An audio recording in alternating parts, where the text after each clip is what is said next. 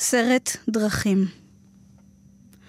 כשאת עומדת ככה במרפסת, עם הסיגריה ומדי חדר לידה, ולרגלייך העיר מנהמת וקיץ עושה בך מעשים, אני רוצה להתחתן איתך. במקום זה אני מוציאה לך את הסיגריה מהפה ומצטטת סרט דרכים. בואי נברח מכאן, בואי נתחבא. יש לי קצת כסף ויש לי ניסיון בזה. בשק השינה שלי יש די מקום לשתינו. אם אמא תתקשר, לא נענה.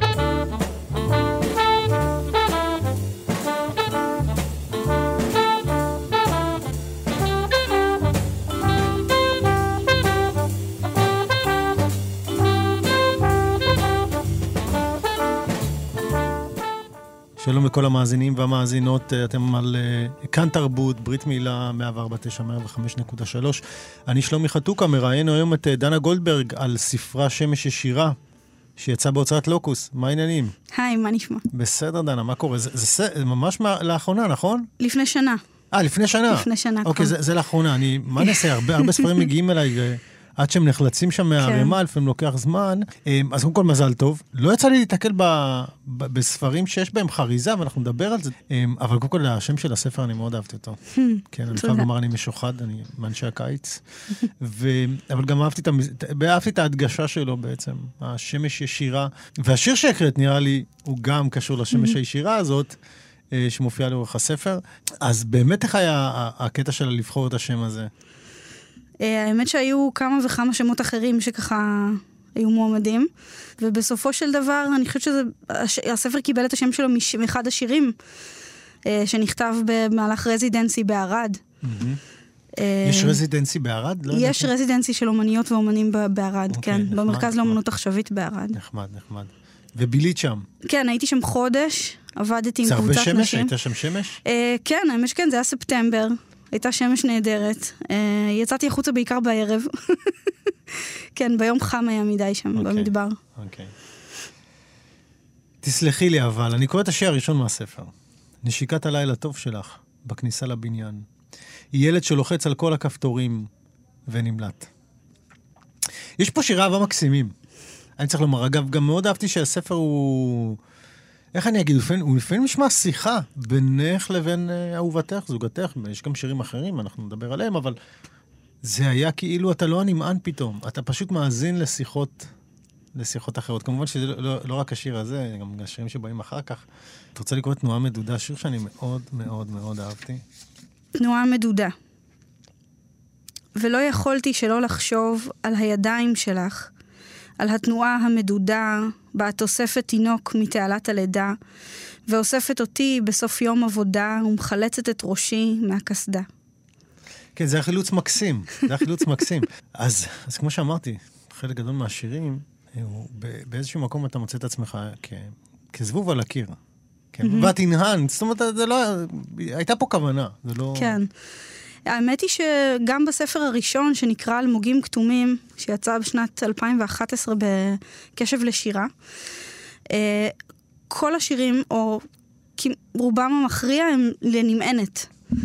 אה, למעשה בספר הראשון גם יש שיר שם... לנמענת ספציפית? אה, לא? אוקיי. לרוב כן. אוקיי, כן, אוקיי. כן, כן. לא, לא תמיד זו אותה נמענת, אבל תמיד יש נמענת שהיא אישה בשר ודם.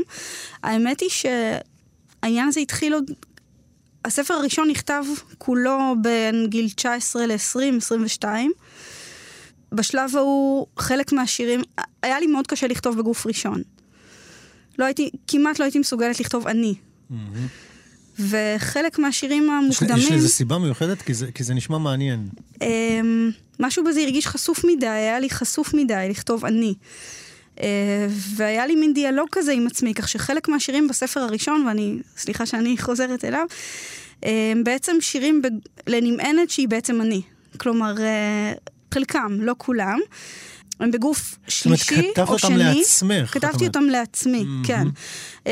בגוף שני, חלקם בגוף שלישי, אבל... שזה כבר לא להיות זבוב על הקיר, זה להיות זבוב בתוך הראש שלך. נכון, ממש כן, כך. אוקיי.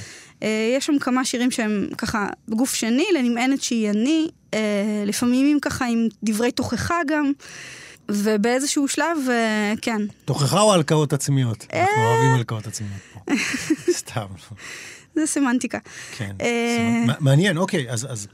קודם כל עשור, כמעט עשור בעצם בין, בין שני נכון, הספרים. בין שני הספרים. זה גם פער מאוד. אה, נכון, אני פשוט, האמת היא שהדבר העיקרי שאני עושה הוא קולנוע.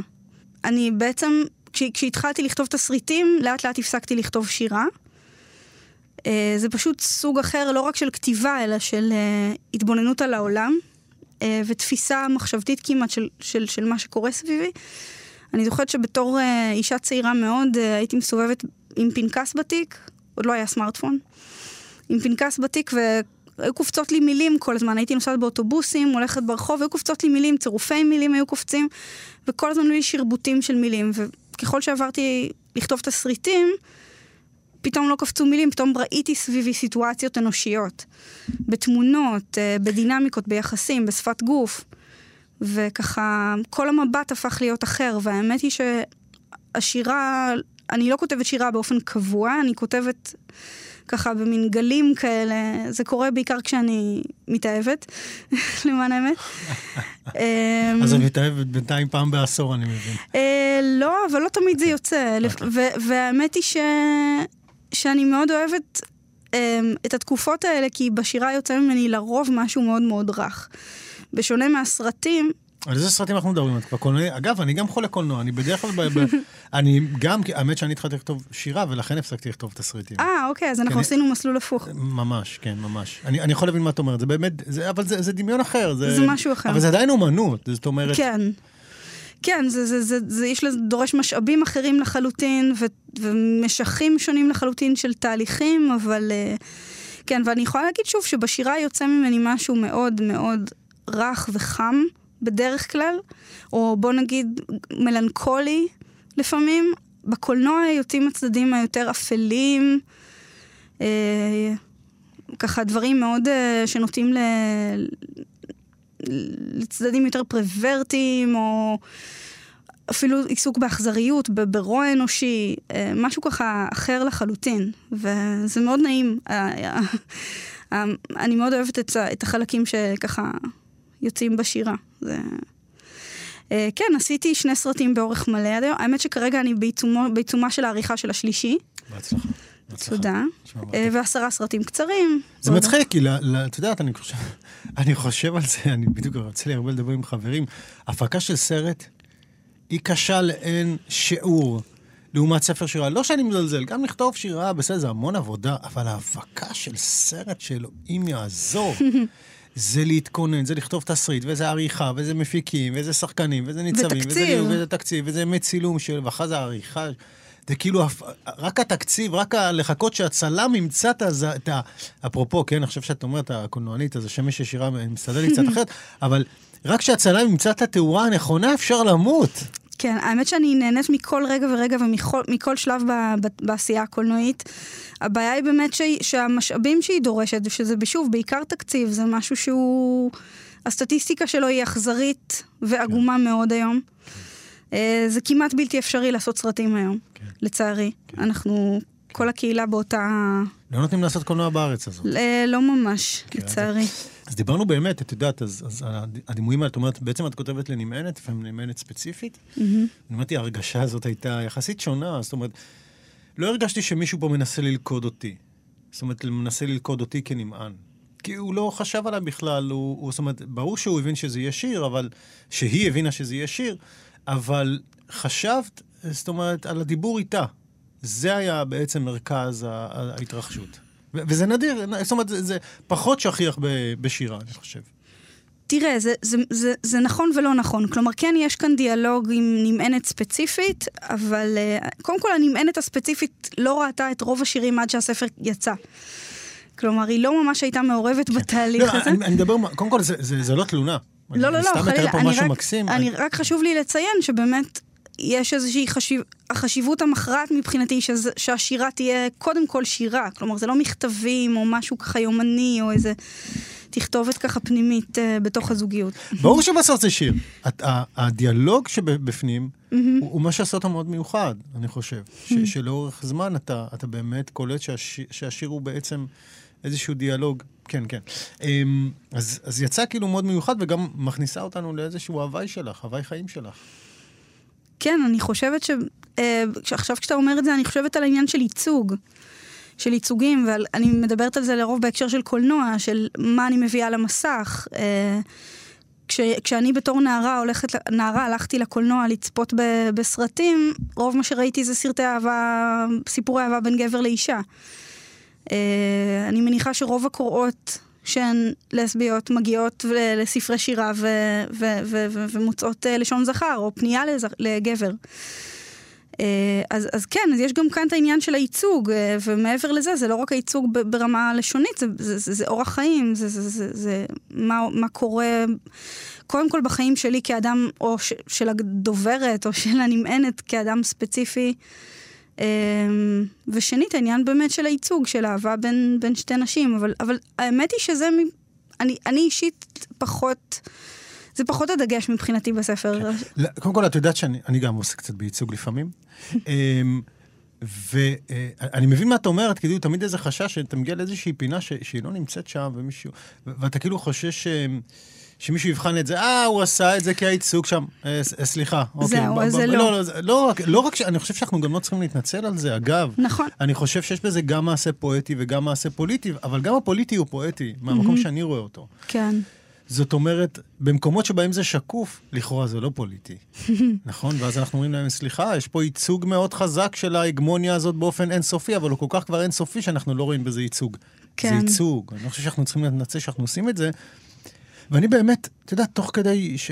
שאנחנו מדברים באמת, לא, לא הזכרתי את זה שזה שירי אהבה של אישה לאישה, כי לא חשבתי שזה יוצא דופן, יכול להיות שהשנים האחרונות עשו את שלהם, יכול להיות שאני רגיל לזה. אה, וחוץ מהשיר שקט בהתחלה, אני אמרתי, זה תלמה ולואיז? על איזה סרט אתם מדברות?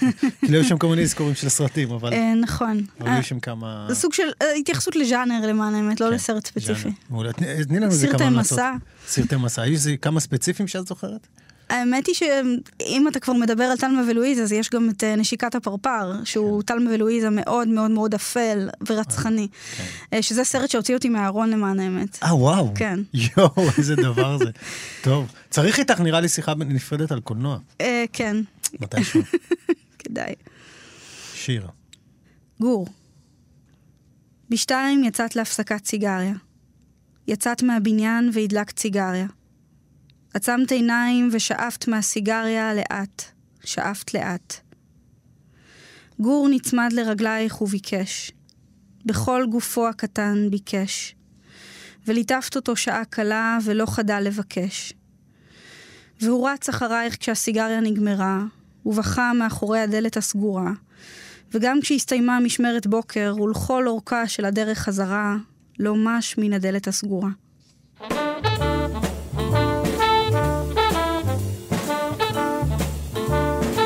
שלום, ברוכים השבים והשבות לברית מילה. אני שלומי חתוקה מראיינת דנה גולדברג על ספרה השני, שמש השירה, שחלף העשור מאז, מאז הספר הראשון, וכן, מצחיק שאת יודעת, אני כל הזמן אסוציאטיבית חוזר גם לדברים אחרים שאת עושה. אבל אני מתייחס פה לספציפית, אה, אני, אני מנת שאת מדברת עליה באיזשהו מקום, אנחנו מבינים שהיא מיילדת. כן. ובאיזשהו מקום, התפקיד שלה גם הופך להיות מאוד סמלי. מאוד סמלי למה שקורה לך, אני חושב. כן, כן. בשיר שנקרא אשתאול, כן? Mm-hmm. שיר ארוך, אני קופץ לבית האחרון, ואת בעצם מדלגת שם בין כמה סצנות, שתיים, שלוש סצנות. בסוף את אומרת, בפר... בבית התשיעי, באותה שעה איתה ההכרה מניקה את התינוקת, ובמגרש מאחורי בית הספר ערכו הבנים טקס אשכבה. זה שתי סצנות אחרות שהן נמצאות שם. והיא הביטה בך בעיניים רכות והשגיחה שטרם בואך. משכת את שפתייך במעט אודם ולבשת את חולצתך הטובה. והיא, והיא זו את? כן. זו היא זו את, כן. אז אמר, אני הבנתי את זה נכון, כאילו מתאר את עצמך, אבל ראיתי את זה פה, שזה היה כאילו לידה שלך ושל המיילדת ביחד, כאילו באיזשהו, באיזשהו מקום. כן, האמת שהשיר הזה, שהוא מחזור שירה אה, בין באמת תשעה חלקים, האמת שהוא התחיל כתרגיל שנתתי לעצמי. אה, המחשבה, אפרופו שאלת קודם על, שם הספר, אז uh, המחשבה הראשונית שלי הייתה לקרוא לספר אשתאול. ומשהו בצליל של המילה הזאת, ככה הרגשתי שזה צריך להיות השם של הספר. היו קצת התנגדויות, ו... אבל עוד לפני ככה שפסלתי את השם הזה, אמרתי לעצמי, אוקיי, אם זה יהיה השם של הספר, אני רוצה שיהיה שיר שכאילו זה, זה הלך הפוך, כלומר החלטתי שאני רוצה לכתוב שיר שיקרא אשתאול. אה, ונתתי לעצמי תרגיל, והתחלתי לחקור ככה, זה היה כמו תחקיר, ככה, תחקיר לסרט קצת, על, על, על המילה אשתאול, על המקום אשתאול, על מה היה שם. אה, כל העניין עם, אה, עם שמשון הגיבור וה, וה, והפלישתים, והאש בזנבות שועלים, זה הכל ככה דברים שקרו שם, ו, ו, ואיכשהו הלך ונבנה איזה סיפור, וזה התחבר עם, ה, עם זיכרון של איך איך בת זוגי ואני הכרנו, ו- ו- ו- וקצת עם ככה דמיון, והבנים שלה, ו- כן, והכל התערבב ו- ונולד השיר הזה, ש- שבאמת התחיל כתרגיל שנתתי לעצמי, ובסופו של דבר השם לא היה של הספר, הספר לא קיבל את השם אשתאול, אבל, אבל זה אחד השירים שאני יותר אוהבת בספר. נמשיך קצת, אנחנו צריכים להקיף עוד איזה כמה חלקים בספר. שוב אני אומר, הפרק הראשון מוקדש בעיקר לאהבה. Mm-hmm. לאהבה. והוא סיפור אהבה, אפשר לומר. Mm-hmm. אבל גם באמת המשחקים האלה, והיה איזה שיר שרצית לקרוא, והיה לך קצת קשה מאוד לקרוא אותו, אני חושב שהיה שיר מאוד מאוד יפה, אהובתי אה, עבדה בערב בחג... את רוצה שאני אקרא אותו? כן. אוקיי, אז אני אקרא אותו. אהובתי עבדה ערב בחג המצות, פסח תשע"ח. אהובתי עבדה הערב בחג המצות. אהובתי קיבלה את פני הנולדים, בין שתיים בצהריים לחצות. אהובתי שרה עם הצוות, והיא שעמדה, והיא שעמדה, והיא שעמדה לבדה, עם אם התינוקת, שלא, שלא נולדה. אני מביטה באהובתי, ואהובתי מביטה בטלוויזיה. בכל מאודה אהובתי מביטה בטלוויזיה. וכל נדיבות הלב, ואומץ הלב, ושברון הלב, בכפות רגליה, שבכפות ידיי. קודם כל אהבתי את הניגודיות המטורפת הזאת בין יציאת מצרים, כאילו, למשהו קטן בחדר הלידה. משהו ספציפי שם, נפש אחת חיה, לא כל העם הזה שיוצא ממצרים. וזה יצר כאילו מין איזה...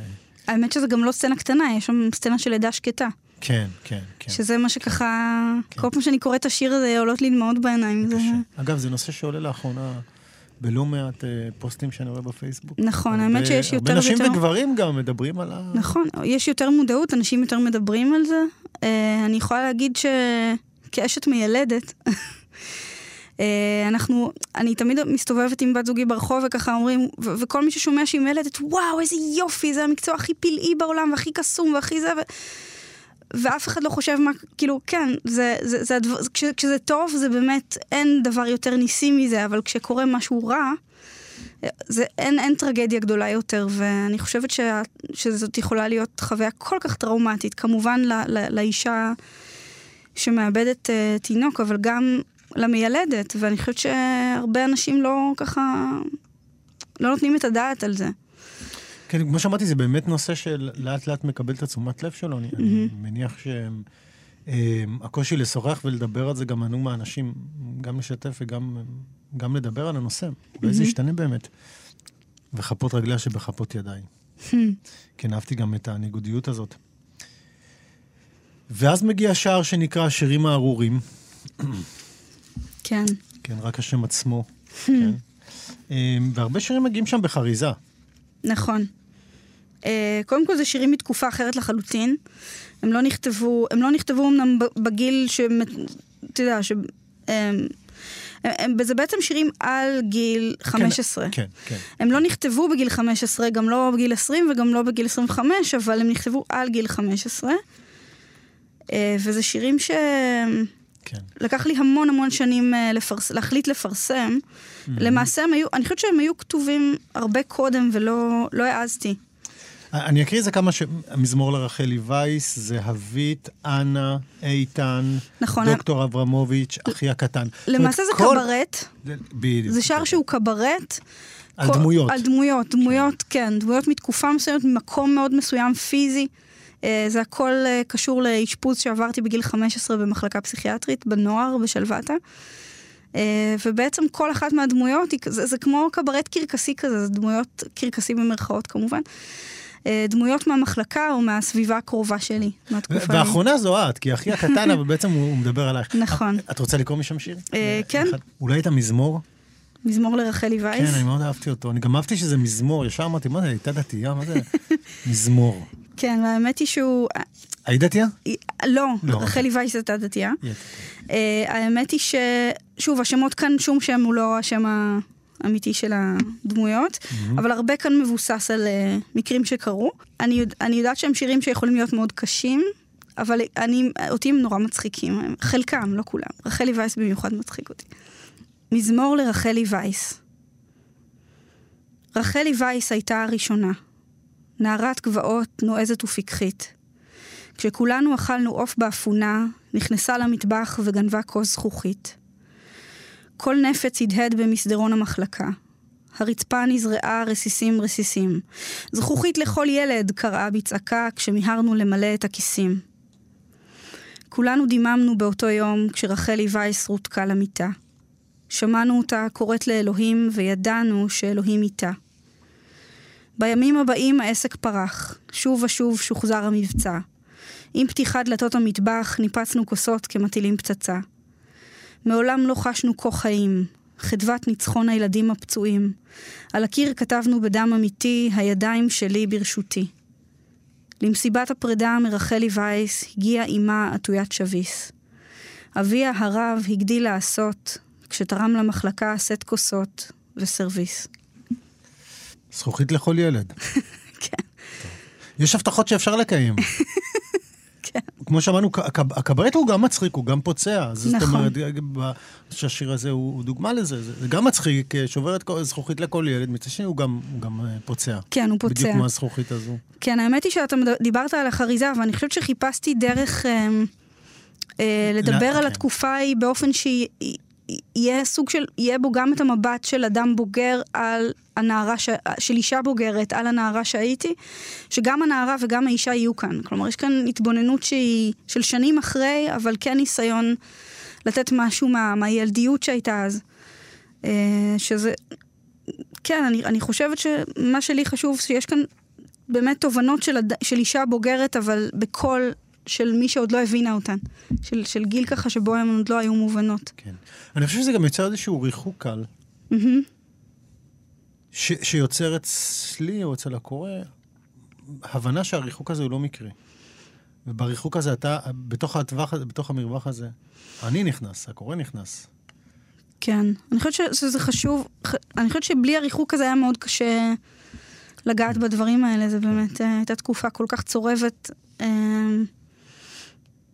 אה, אגב, זו הייתה תקופה שאני חוזרת ואומרת בכל ראיון שזו תקופה שהצילה את חיי, כלומר המקום הזה הציל את חיי, לא, לא היה לי שם, כלומר אני ככה רואה, רואה באשפוז ההוא באמת הצלת חיים. אבל אה, כן, היו שם חוויות אה, מצלקות וטראומטיות גם, בין השאר, ו... ולגעת בזה היום, עד היום קשה לי אגב, גם בסרטים שאני עושה.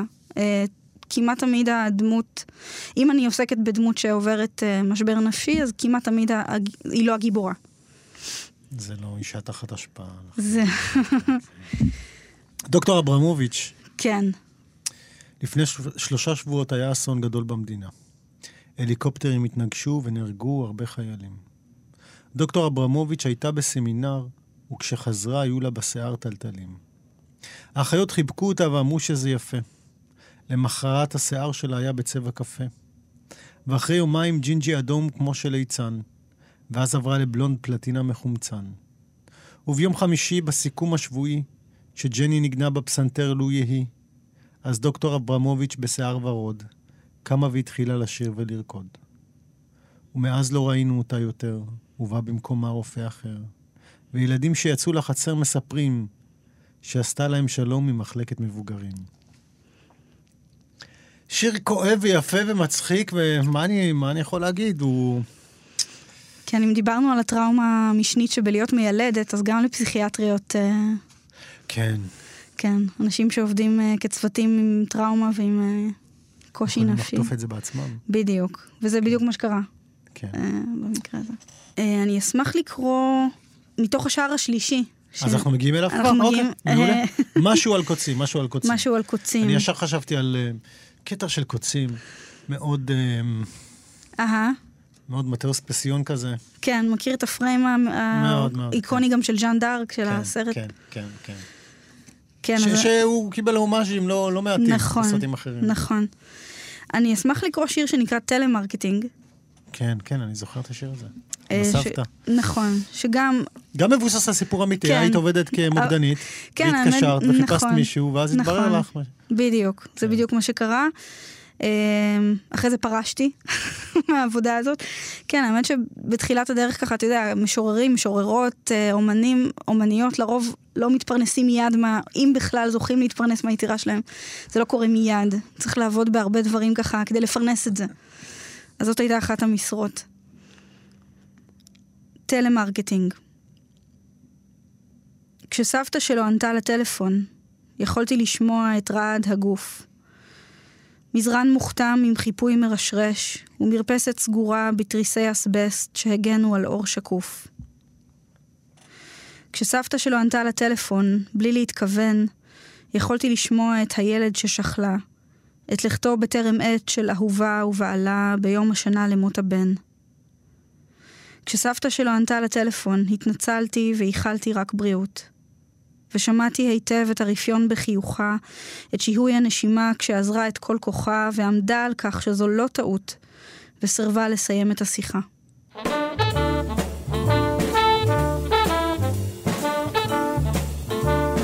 שלום וברוכים השבים והשבות פעם שנייה, אנחנו בברית מילה בכאן תרבות, אני שלומי חתוקה מראיין את דנה גולדברג על ספרה השני שמש ישירה. הגענו לשער השלישי וה, והמסיים של הספר, משהו על קוצים. אחרי השירים הארורים, משהו על קוצים. מה בעצם ההבדל בין השער הזה לקברט מבחינת מה שרצית להעביר? אה, קודם כל, הקברט הוא מבחינתי סוג של יח- יחידה בפני כן. עצמה. יש קשר מאוד הדוק בין כל השירים במבנה שלהם, באופי, באופי שלהם, בנימה שבה הם כתובים. מתי זה קרה? ו- הנימה מעניינת אותי, כי ברור שבאמת הקברט הזה היה במקום מאוד מסוים. נכון. באמת, אה, מקום מסוים בזמן ובמרחב. נכון. והנימה שלו היא, היא נימה שהיא באמת מאוד ייחודית לשער הזה. כלומר, אין, אני לא כותבת ככה. כלומר, זה לא, זה לא האופן שבו אני כותבת בדרך כלל, וזה באמת אך זה ורק ב... יצא מצוין. זה לא, זה, זה, זה נכון היה לשער הזה, לשירים האלה, זה לא משהו שככה, לא, לא, לא, לא סוג כתיבה שמאפיין אותי בדרך כלל, וגם פחות מע- מעניין אותי, שוב, אלא אם זה השירים הספציפיים האלה, ו, ומשהו על קוצים הוא באמת שער של, גם בו יש איזו דחיפות, יש שם איזה משהו ככה... גם כואב, או, או, או, או בוער, או דחוף בשירים שם, אבל, אה, אבל הם לא בהכרח קשורים זה בזה, הם, הם ככה התלכדו ככה בשלב מאוחר יותר, הם לא נכתבו מתוך כוונה להיות איזשהו גוף של אה, אה, שירים שככה... אה, הם קשורים אבל לתקופה מסוימת? לא, לא בהכרח. הם, תראה, יותר, כל- הם, הם פחות ההווה שלך? הם הרבה יותר ההווה שלי מהשירים הארורים. לא, אני, דווקא השוויתי, מבחינת הזמן ניסיתי להשוות לא, לחלק הראשון למעשה דווקא. כל הספר הזה נכתב בשנתיים. חוץ מהשירים הארורים, הספר כולו זהו, נכתב... אז, אז אמרתי, אני השוויתי את זה דווקא לחלק הראשון. נכון, נכון, נכון. כן, השירים הארורים הם נכתבו בד בבד עם, ה... כן. עם השער הראשון, כן. אה, והחלטתי להפריד באמת, כדי שיהיה את השער של השירי האהבה. כן. אז אם אני, נגיד, לא מסתכל רגע על האמצע, באמת על ה... פתאום איזושהי קפיצה לאיזו הזיה בזמן, נדמה כאילו אה, כל היופי הזה בחלק הראשון של האהבה. ואז מגיע גם הצל הזה, הדברים האלה שאנחנו, גם, גם, גם שטוב לנו, אנחנו רואים את הדברים הקשים ואנחנו אומרים איך לעזאזל. הם שם, הם שם כל הזמן. כן. אה, החלטתי כן. להפריד באמת. לי על אהבה, אתה יודע, עכשיו לחשוב על איזה ורד עם קוצים, אז הפרק השלישי יהיה קוצים. תשמעו, הקוצים. יש שם גם קוצים. נכון, נכון. קוצים וקיצים, כן, יש על זה משחק מילים, נראה לי בשיר, בשיר הראשון. בשיר הזה, משהו על קוצים הוא נקרא, כן? גם כן. נכון. בשיר הזה יש משהו חסר, משהו מנוע, משהו שלא מומש, משהו שרץ סביב משהו, במעגלים. משהו שמביטים וחורך את הריסים, משהו על קוצים, משהו שכלו כל הקיצים. ואני מתלבט מה לבקש ממך לקרוא, את איך להביס כאב כרוני, או את המנורה, או את המנורה, מנורת הכתיבה. מנורת אה. הכתיבה. מה את אומרת? יאללה, מנורת הכתיבה. יאללה, מנורת הכתיבה. באותו לילה, כבכל לילה, התיישבה לשולחן הכתיבה, והביטה סביב ובחדר כולו לא מצאה את מנורת הכתיבה. פנתה לחדר השינה ורחנה אל אהובתה. חשבה לגעת בכתפה וחסה על שנתה. הבנים היו ישנ... ישנים במיטותיהם ונשימתם שקטה. וגם כך היו קטנים ואסרה עליהם לגעת בפתחי חשמל. היא הדליקה אור בכל החדרים בבית שהיה ביתה, והביטה סביב ובכל החדרים לא מצאה את מנורת הכתיבה. יצאה למרפסת והציתה סיגריה. בפיזור דעת הייתה שואפת ונושפת ומסלקת עלי בזיל יבשים, דעתה נתונה כל כולה לרחל, גיבורת ספרה. בשעה כזאת הייתה יוצאת להתהלך. אלמלא הצינה הייתה יוצאת להתהלך. חוט נמתח סמוך לרגלה. צוואר מתכת השתפל אל ארגז קרטון. היא עישנה את הסיגריה עד תומה ולא השגיחה בם. דעתה הייתה נתונה כל כולה לרחל, גיבורת ספרה. הצינה הניסה אותה אל חדרה, שם היא מסתופפת אל התנור. ומנורת הכתיבה, שחופתה אלומיניום, דלקה כל הלילה בנוגה עמום. אל חומה הסתופף גוזל בין דרורים, שציפור חמסנית הטילה בו מום. יש כמה שירים בספר שתופסים את זה, זה סיפור, וסיפור על מנורת הכתיבה היה כמובן אה, מאוד סמלי גם באיזשהו מקום. וטעיתי על השורה האחרונה, אני חייב לומר. אל חומה הסתופף גוזל בין דרורים שציפור חמסנית הטילה בו מום. היא כן דלקה, היא לא דלקה, היא הייתה במרפסת בעצם בתוך איזה ארגז. מי זה הגוזל? מי זו הציפור? טוב, אז קודם כל, אה, כמו שאמרתי לך, ככה, יש ככה הרבה אנקדוטות קטנות שככה כן. שירים... אז זה, זה משהו ככה, כשהייתי ילדה, ממש ככה בגן, אמ, אבא שלי, זכרו לברכה, הביא לנו ככה יום אחד הביתה ארגז עם אה, שני אה, אפרוחים. של שני אפרוחים ושני אווזים, ככה. והיה חורף, והיה מאוד מאוד קר. עכשיו, אימא שלי, אישה מאוד מאוד מאוד מטופחת. יש לה ככה שולחן עצום של כלי איפור ומנורת איפור מאוד מאוד ככה חזקה, והיא במשך, היא כל בוקר יושבת במשך שעתיים ומתארגנת ליום שלה ומתכוננת ומתאפרת. בכל אופן היה חורף, והיה לנו, לנו ארגז עם, אה, עם, עם ארבעה אפרוחים. ואבא שלי פשוט uh, לקח את מנורת האיפור של אימא שלי, עטף אותה ב, בחתיכת קרטון, את הקרטון עטף בנייר כסף, והדליק אותה במשך הלילה בתוך הארגז ככה עם האפרוחים, וככה בבוקר קמנו וראינו איך כל האפרוחים צמודים, צמודים, צמודים לחום של ה... וואו. ככה למנורת איפור הזאת. אימא שלי כמובן השתגעה מזה, אבל, uh, אבל באמת היה, זה היה ככה זיכרון ילדות כזה. אני אהבתי את הגלגול הזה של כן. המנורת איפור למנורת כתיבה. למנורת כתיבה, אוקיי. כן. איזה יופי ששאלתי אותך, כאילו, כי באמת זה גלגול כל כך נהדר. כן, כן. כי, כי בסופו של דבר כל הסצנה הזאת היא... הזיכרון הוא סוג של אור. וגם העניין של הכתיבה כמשהו שמבחינתי הוא, הוא, הוא, הוא נותן מחמם. חיים, והאור של מנורת הכתיבה שנותנת חיים ברמה הכי ככה פיזית. ו... אנחנו לא נוכל לסיים יותר טוב את התוכנית, אז אנחנו נסיים אותה כאן. אמ, אני רק אזכיר, הספר יצא בהוצאת לוקוס, העורכת היא הדס גלעד. כן, וכמובן מוציאה לאור שירה חפר. שירה חפר. אמ, את תקראי שיר לסיום, אני אגיד בינתיים אה, לנדב אלפרין, אה, העורך האברך שלנו, הרבה הרבה הרבה תודה. אתם הייתם על ברית מילה, 104.9, 105.3. אני שלומי חתוקה עם דנה גולדברג, לספרה השני, שמש ישירה. זה גם מסיים יפה עם השם של הספר. אין, זה, כן. זה פשוט מושלם יצא. אז אולי אני אקרא את שמש ישירה? קדימה. בין שבע בבוקר לשבע ועשרה, השיכון ברחוב גלעד בהק בשמש ישירה. ושלוש נערות בשמלות זהות, חברות ודקות גזרה, חיכו לקו 25 לצומת תל ערד.